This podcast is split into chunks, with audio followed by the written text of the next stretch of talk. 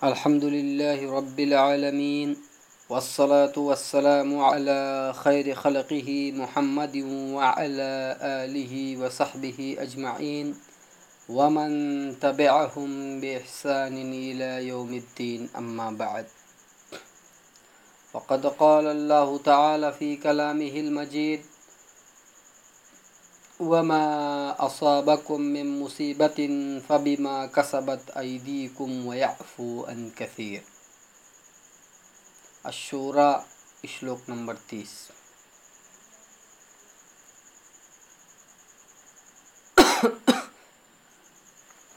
उपस्थित भैया हमारा साथी भाई भाइहरू और दीदी बहिनीहरू र समस्त मानवगढहरू म तपाईँहरू समक्ष आजको दिन भूकम्पको बारेमा इस्लामीय दृष्टिले केही चर्चा गर्न चाहन्छु। अल्लाहसित अनुरोध छ कि अल्लाह हामीलाई सत्य भन्ने र सत्य बमोजिम जीवन व्यतीत गर्ने तौफिक प्रदान गरून्। आमिन। हाम्रो देश नेपाल विश्वको ती देशहरूमध्ये एक हो, जसमा आउँदै गर्दछन्। तर हालै अप्रेल दुई हज़ार पंद्रह पन्ध्र पन्ध्र इस्वीको अन्तिम सप्ताहमा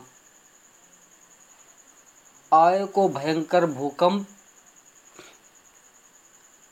विश्वमा कहिलेकाहीँ मात्र आउँछ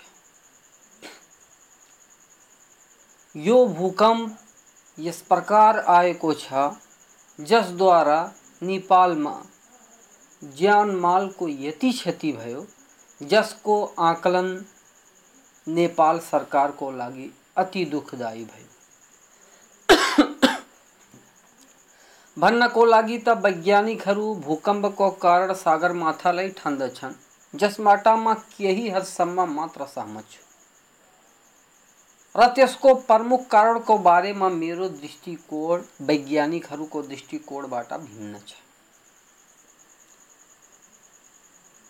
यसर्थमा आज खास गरी भूकम्पको बारेमा कुरान र हदिसको प्रकाशमा केही स्पष्टीकरण गर्न खोजेको छु।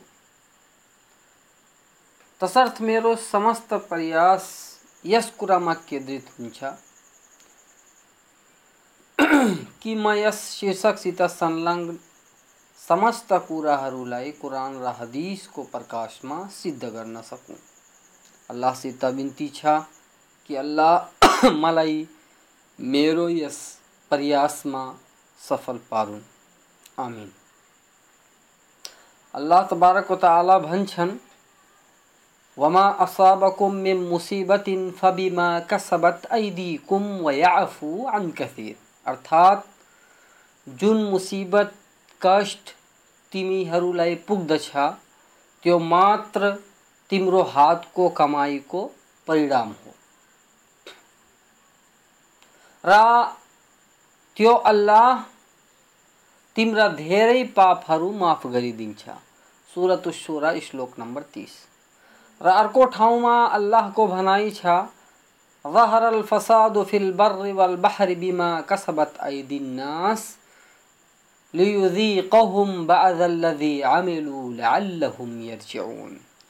अर्थात जल थलमा मानिसहरूका गलत क्रियाकलापले गर्दा दङ्गा र उपद्रव फैलिसकियो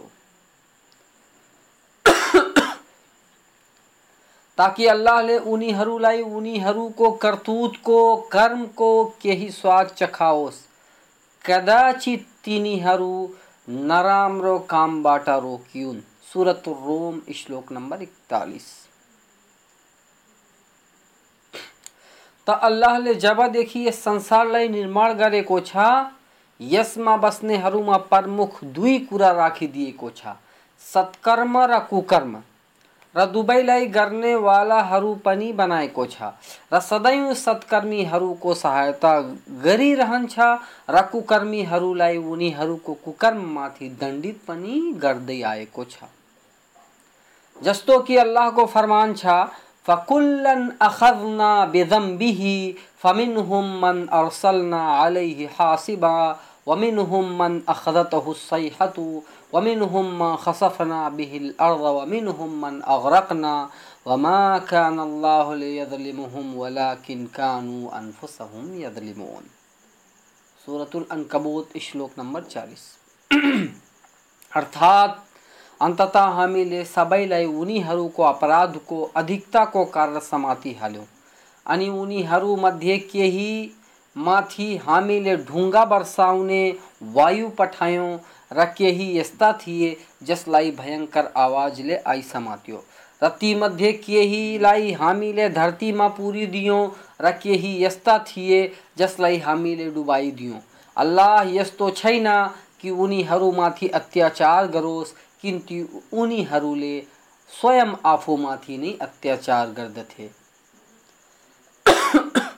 र यो पृथ्वी जसमाथि हामी आफ्ना जीवन व्यतीत गरिरहेका छौँ त्यसलाई अल्लाहले आविष्कार गरेर हामी मानव र दानुहरूको लागि उछ्यान बनाइदिएको छ र यसलाई हाम्रो वशीभूत पनि गरिदिएको छ, जसको पृथ्वी हाम्रो जीवितहरूको लागि ओछ्यान हो त त्यसको पेट हाम्रो मृतकहरूको लागि वासस्थान।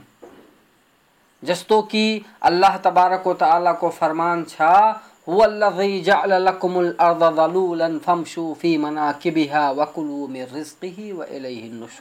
सूरतुल मुल्क श्लोक नंबर 15 अर्थात वही त हो, जसले तिम्रो निम्ति धरती धरतीलाई नरम र अधीनस्थ गरिदियो ताकि तिमीले उसका बाटाहरूमा हिडडुल गर्ने गर र अल्लाहद्वारा प्रदान गरिएको जीविका उपभोग गर र तिमीले उसैको पासमा दोस्रो पटक जीवित भएर जानुपर्नेछ।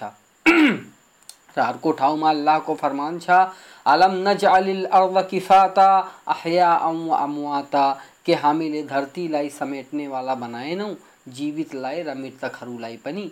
सुरतुल मुर्सलात श्लोक नम्बर पच्चिस, छब्बिस। र यसै पृथ्वीको माटोबाट अल्लाहले हामीलाई आविष्कार गरेको छ।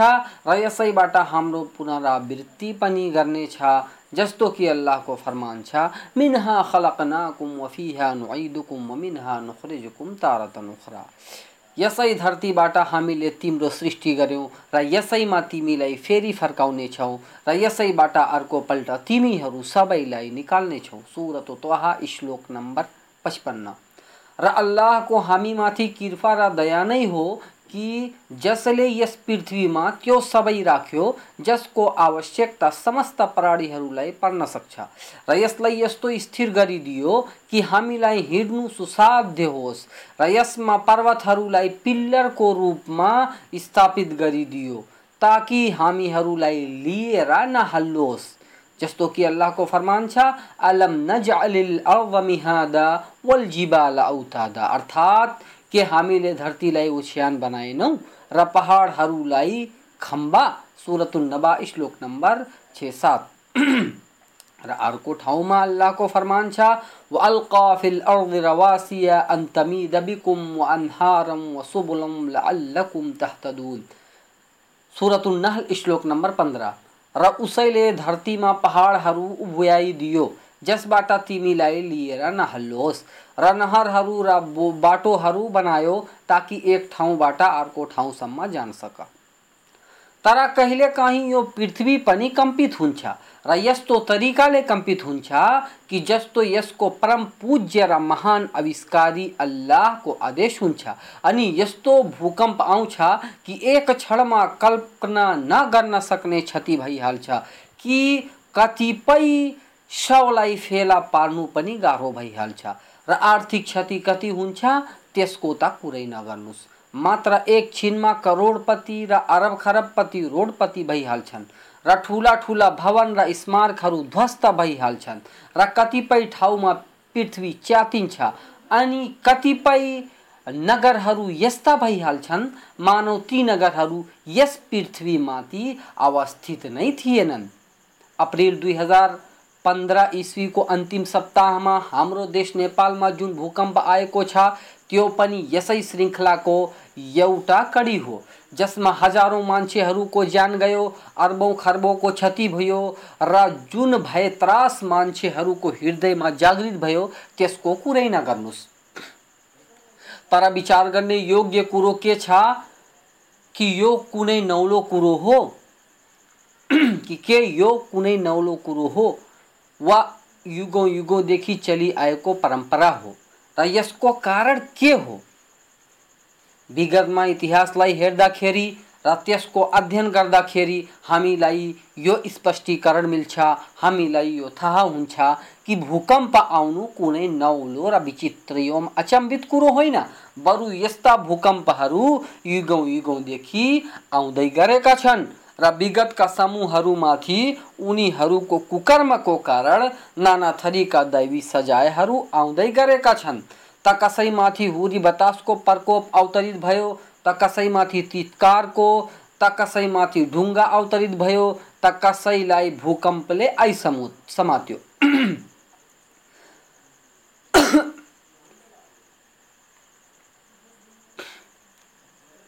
अल्लाह तबारक व ताला सुरतुल कससमा भन्छन् हेर्नुहोस् अर्थ हेर्नुहोस् र हामीले धेरै त्यस्ता बस्तीहरूलाई नष्ट गरिहाल्यौँ जसले आफ्ना मौज मस्तीमा घमण्ड गर्न लागेका थिए। यी तिनीहरूका बस्ने घर हुन्, जो उनी पश्चात अति थोरै आबाद हुन सके, र अन्तत हामी नै हौँ सबैको स्वामी। र तपाईँको पालनकर्ताले कुनै बस्तीलाई नष्ट गर्दैन, जबसम्म कि उनको कुनै ठुलो बस्तीमा कुनै सन्देष्टा नपठाइहालोस् जसले उनीहरू, उनीहरूलाई, हाम्रा आयतहरूलाई पढेर सुनाओस् र हामीले बस्तीहरूलाई त्यसै बेला नष्ट गर्दछौँ, जबकि त्यहाँका बासिन्दाहरू अत्याचारी नै भइहाल्छन्। सुरतुल कसस, श्लोक नम्बर अन्ठाउन्न उनासाठी र अर्को ठाउँमा अल्लाह तबारको ताला भन्नुहुन्छ, अर्थ, अन्तत हामीले सबैलाई उनीहरूको अपराधको अधिकताको कारण समातिहाल्यौँ अनि उनीहरूमध्ये केही माथि हामीले ढुङ्गा वर्षायौँ त केही यस्ता थिए जसलाई भयङ्कर आवाजले आइसमात्यो, र तीमध्ये केही, केहीलाई हामीले धरतीमा पुरिदियौँ, त केही यस्ता थिए जसलाई हामीले डुबाइदियौँ। र अर्को ठाउँमा अल्लाहको फरमान छ अमिनतुम मन फिस समाई अन यख्सिफ बिकुमुल अर्द फइदा हिया तमुर। अर्थात् के तिमी यस कुराबाट निश्चिन्त छौ कि आकाशवालाले तिमीलाई धरतीमा गाडिदियोस् अनि त्यस बेला पृथ्वीमा कम्पन हुन थालोस्। वाक्य, तिमी यस कुराबाट निश्चिन्त छौ कि आकाशवालाले तिमीमाथि पत्थरको वर्षा गरिदियोस् अनि तिमीलाई थाहा भइहाल्नेछ कि मेरो चेतावनी कस्तो थियो? सुरतुल मुल्क, श्लोक नम्बर सोह्र सत्र चीनमा सन् पन्ध्र सौ छप्पन इस्वी सम्बन्धमा अल्लाहको प्रकोप भूकम्पको रूपमा आयो, जसमा लगभग आठ लाख मान्छे ज्यान गुमाए र खरबौँको क्षति भयो। र यो भनिन्छ कि यो भूकम्प इतिहासको ठुलो भूकम्पहरूमध्ये एक हो। र बिसौँ शताब्दीमा आएका केही प्रमुख भूकम्पहरूको विवरण यस प्रकार सन् उन्नाइस सौ तेइस इस्वीमा जापानमा एउटा भूकम्प आयो, जसमा लगभग एक लाख बयालिस हज़ार मान्छे ज्यान गुमाए। सन् उन्नाइस सौ एकतिस इस्वीमा बिलायतमा फाइभ पोइन्ट फाइभ रेक्टर गतिको भूकम्प आयो, जसमा धेरै मान्छे ज्यान गुमाएनन्, तर आर्थिक क्षति भएको थियो। सन् उन्नाइस सौ अडतालिस इस्वीमा जापानमा र चिनमा एउटा भूकम्प आयो, जसमा लगभग तिन हज़ार सात सौ सत्तरी मान्छेहरू ज्यान गुमाए।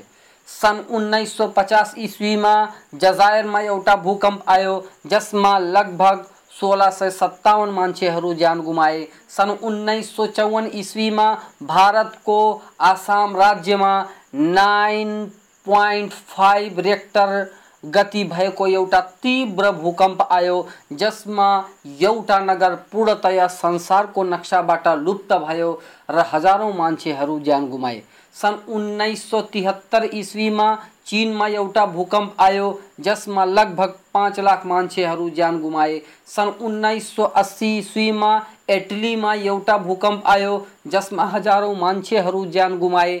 सन् उन्नाइस सौ अस्सी जजायर में दुई पटक भूकंप आयो, जिसको गति सेभेन पोइन्ट थ्री र पॉइंट थ्री रेक्टरको थियो, जसमा एउटा पूर्ण नगर विनष्ट भयो र तिन हज़ार मान्छेहरू ज्यान गुमाए।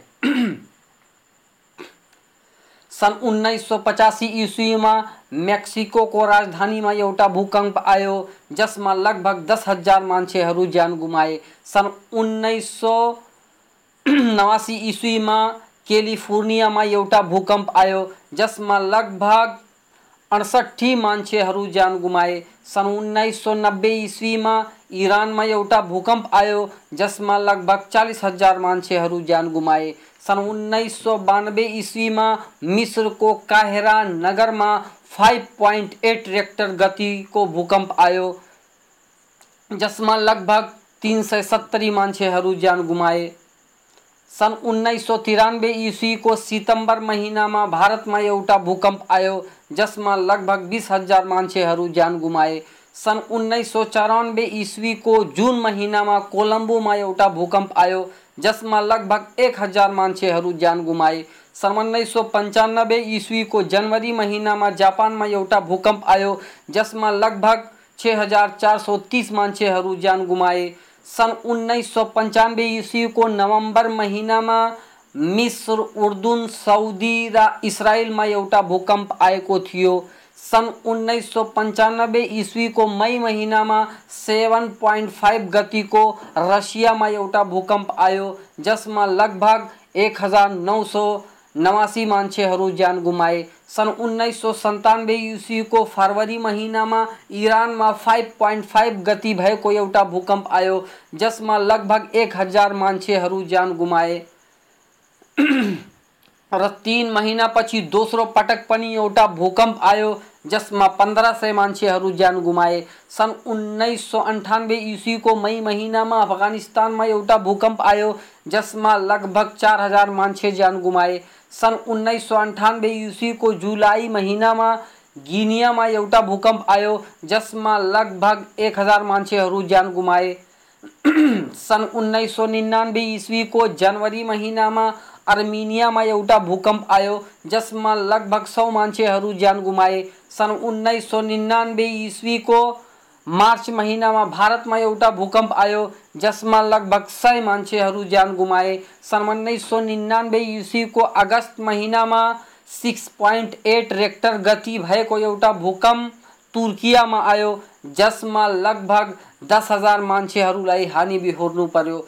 सन् उन्नाइस सौ निन्यानब्बे इस्वीको सितंबर महिनामा युनानमा फाइभ पोइन्ट नाइन रेक्टर गतिको एउटा भूकम्प आयो, जसमा लगभग फोर्टी नाइन मान्छेहरू ज्यान गुमाए। सन् उन्नाइस सौ निन्यानब्बे इस्वीको सितंबर महिनामा ताइवानमा सेभेन पोइन्ट सिक्स रेक्टर गतिको एउटा भूकम्प आयो, जसमा लगभग पन्ध्र सय मान्छेहरू ज्यान गुमाए। सन् उन्नाइस सौ निन्यानब्बे इस्वीको नभेम्बर महिनामा तुर्कियामा सात रेक्टर गतिको एउटा भूकम्प आयो, जसमा लगभग चार सौ पचास मान्छेहरू ज्यान गुमाए। सन् उन्नाइस सौ निन्यानब्बे इस्वीको दिसंबर महिनामा तुर्कियामा फाइभ पोइन्ट एट रेक्टर गतिको एउटा भूकम्प आयो, जसमा अर्बौँको आर्थिक क्षति भयो।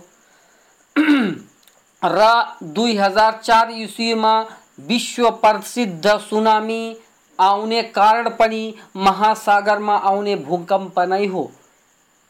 रेजा अहमद थाइल्यान्डी भन्नुहुन्छ कि दिसंबर दुई हज़ार चारमा इन्डोनेसियाको सुमत्रा आइल्यान्ड निकट महासागर मुनि भयङ्कर भूकम्प आएकोमा विश्व प्रसिद्ध सुनामी आएको हो। जसमा कतिपय नगरहरू यस्ता भइहाले मानव यस धरतीमा अवस्थित नै थिएनन् र यस सुनामीमा सबैभन्दा अधिक क्षति इन्डोनेसिया र थाइल्यान्डलाई भएको थियो। इस कैयौँ राष्ट्र प्रभावित भएका जिस मध्य श्रीलंका, भारत, मालदीप मलेसिया इंडोनेशिया, पाकिस्तान आदि प्रमुख हुन्। इसको संदर्भ जिलजाल, सुनामी कुरा जालत व ओमम बादत इसको लेखक रेजा अहमद समदी हुन्। तयो भूकंप चाहे सुक्का ठाउँमा आओस् वा जलमा हाम्रो लागि विनाशक नै सिद्ध हुन्छ। र यो युगौँ युगौँदेखि हामीमाथि अवतरित हुँदै आएको छ। तर के कसैले यस कुरामा विचार गर्यो कि यो भूकम्प के हो र किन आउँछ। त यस भूकम्प जस्तै जति आपद विपत्तिहरू छन् सबै महान अल्लाहका सेनाहरू मध्येका हुन्। जस्तो कि अल्लाहको फरमान छ, वमा यालमु जुनुद रब्बिका इल्ला हुवा अर्थात् तिम्रो पालनकर्ताका सेनाहरूलाई उस बाहेक कोही जान्दैन। सुरतुल मुद्दसिर श्लोक नम्बर एकतिस र अल्लाह भूकम्प आदिलाई मानव गणलाई सावधान गर्नुको लागि पठाउँछ अल्लाहको फरमान छ, अर्थ हेर्नुहोस् हामीले निशानीहरू वा चमत्कार पठाउनु यस कारणले पठाउँछौँ कि पहिलेका मानिसहरू तिनीलाई झुट्टा भन्न गर्दथे। हामीले निशानीहरू वा चमत्कारहरू पठाउन यस कारणले बंद गरिदियौँ कि पहिलाका मानिसहरू तिनलाई झुट्टा भन्ने गर्थे र हामीले समुदलाई चमत्कारको रूपमा उठ्नी प्रदान गऱ्यौँ तर तिनीहरूले त्यसमाथि अत्याचार गरे र हामीले मानिसहरूलाई डराउनका लागि निशानीहरू पठाउने गर्दछौँ सुरतुल इस्रा सुरतुल इसरा श्लोक नम्बर फिफ्टी नाइन र अर्को ठाउँमा अल्लाहको फरमान छ हेर्नुहोस् तपाईँ भन्नुहोस् कि तिमी माथि तिम्रा माथिबाट वा खुट्टा मुनिबाट कुनै सजाय पठाउन ऊ समक्ष छ अर्थात् अल्लाह सम सूक्ष्म छ। अथवा तिमीहरूलाई विभिन्न समूहमा विभाजित गरी झगडा गराइहालोस् र तिम्रा आपसको भिडन्तका स्वाद चखाइहालोस्। हेर्नुहोस् हामीले आफ्ना आयतहरूलाई कुन कुन तरिकाले वर्णन गर्दछौँ, अर्थात् आफ्ना निशानीहरूलाई कुन कुन तरिकाले कुन कुन शैलीले वर्णन गर्दछौँ ताकि यिनीहरू बुझ्न सकुन्। सुरतुल अनाम, श्लोक नम्बर पैँसठी अर्को ठाउँमा अल्लाहको भनाइ छ के तिनीहरू जसले कि अत्यन्त नराम्रा षड्यन्त्र गर्दछन्, यसबाट आफूलाई सुरक्षित ठान्दछन् कि अल्लाहले पृथ्वीमा उनीहरूलाई धसाइहालोस् अथवा उनी तरफ़ यस्तो ठाउँबाट सजाय आइपुगोस् जसबारे उनीलाई अनुमान पनि नहोस्। सुरतुन्नहल, श्लोक नम्बर पैँतालिस। ता भूकम्प सुनामी हुरी बतास चट्याङ आदि र यस खालका भयङ्कर आपद विपत्ति। यस कारण आउँछन् कि हामीहरूको समाजमा बुराई आफ्नो चर्म सीमासम्म पुगिसकेको हुन्छ। जसरी चोरी, मदिरा सेवन नाचगान बेइमानी, विश्वासघात, व्यभिचार आदि।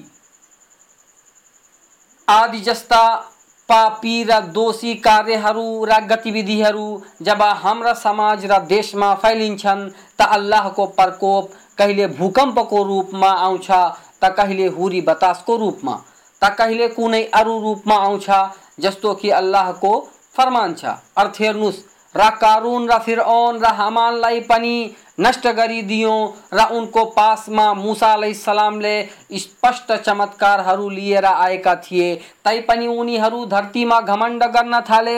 र उनीहरू हाम्रा नियन्त्रणबाट निस्कन सक्नेवाला थिएनन्। अन्तत हामीले सबैलाई उनीहरूको अपराधको अधिकताको कारण समातिहाल्यौँ अनि उनीहरूमध्ये केही कौमे आदमाथि हामीले ढुङ्गा बर्साउने वायु पठायौँ। र केही यस्ता थिए, अर्थात् समुद, जसलाई भयङ्कर आवाजले आई समात्यो।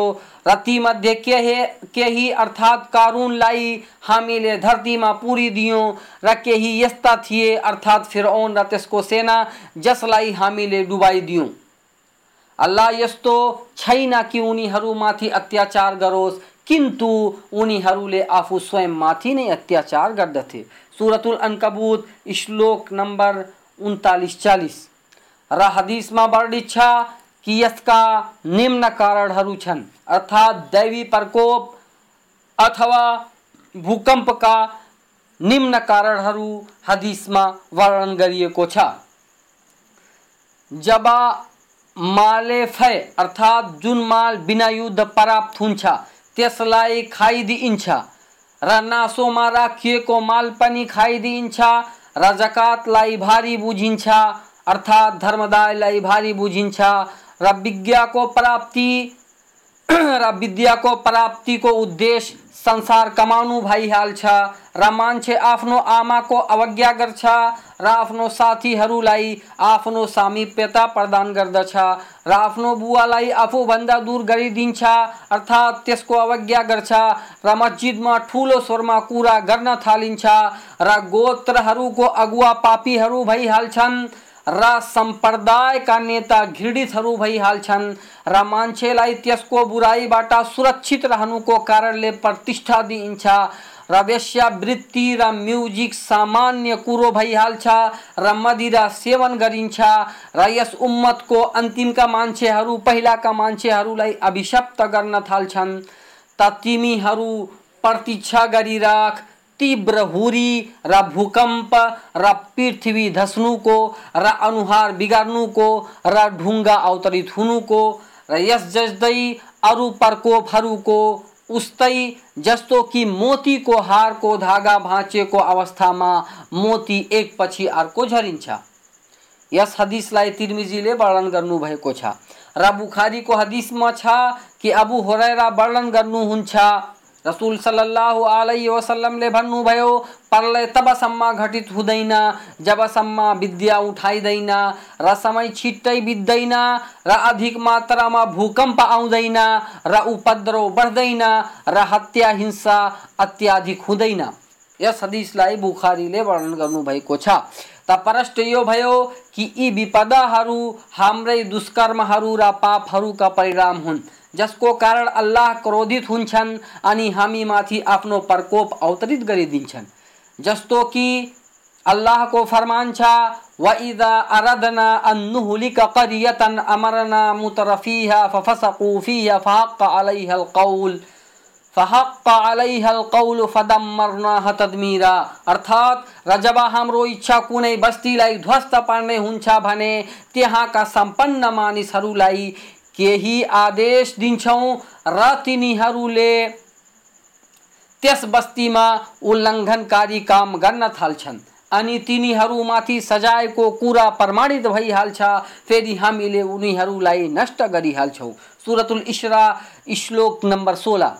र अर्को ठाउँमा अल्लाहको फरमान छ वहरल फसाद फिल बर्र वल बहरी बिमा कसबत ऐदिन नास लियुज़ीक़हुम बअदल्लज़ी अमिलू लअल्लहुम यरजिऊन अर्थात जलथलमा मानिसहरूका गलत क्रियाकलापले गर्दा दङ्गा फैलिसकियो ताकि अल्लाहले उनीहरूलाई उनीहरूको करतुतहरूका केही स्वाद चखाओस् कदाचित तिनीहरू नराम्रो कामबाट रोकियुन् सुरतुल रोम श्लोक नम्बर इकतालिस हदिसमा छ कि उम्मे सलमा रज़ी अल्लाह अनहा वर्णन गर्छिन् कि मैले रसुल सल्लल्लाहु अलैहि भन्दै सुने कि जब मेरा अनुयायीहरू पाप गर्न थाल्छन्, त अल्लाह उनीहरूमाथि प्रकोप अवतरित गरिदिन्छ।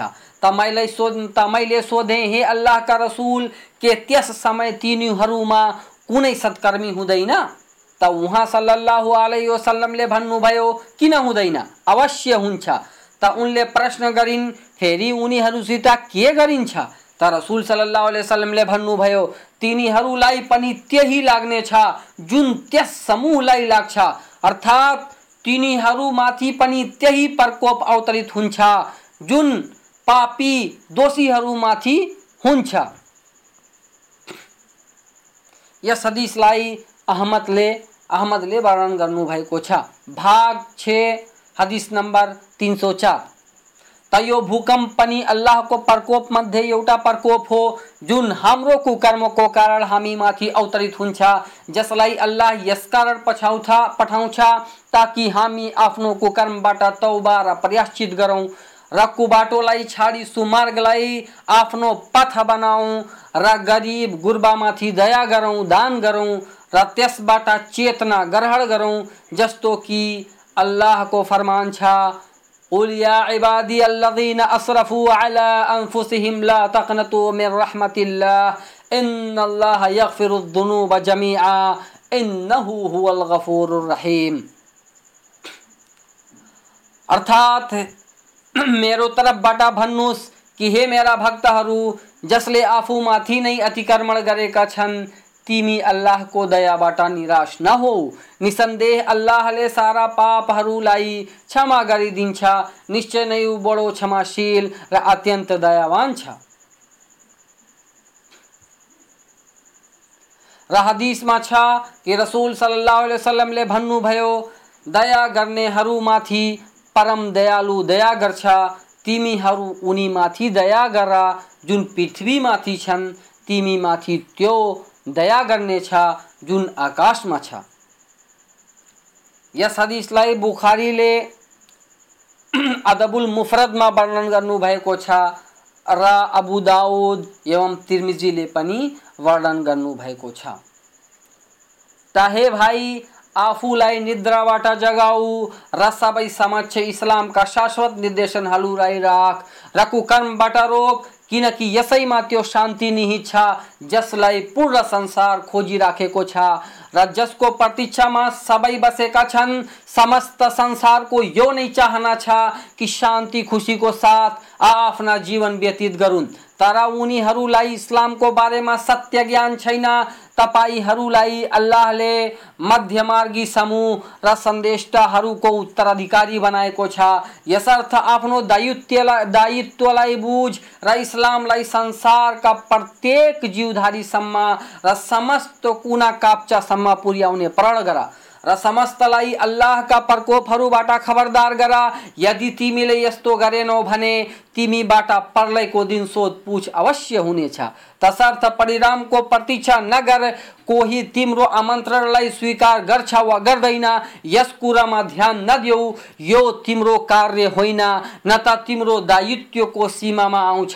जस्तो कि अल्लाहको फरमान छ, इन्नका ला तहदी मन अहबब्त वलाकिन्न अल्लाह यहदी मन यशा।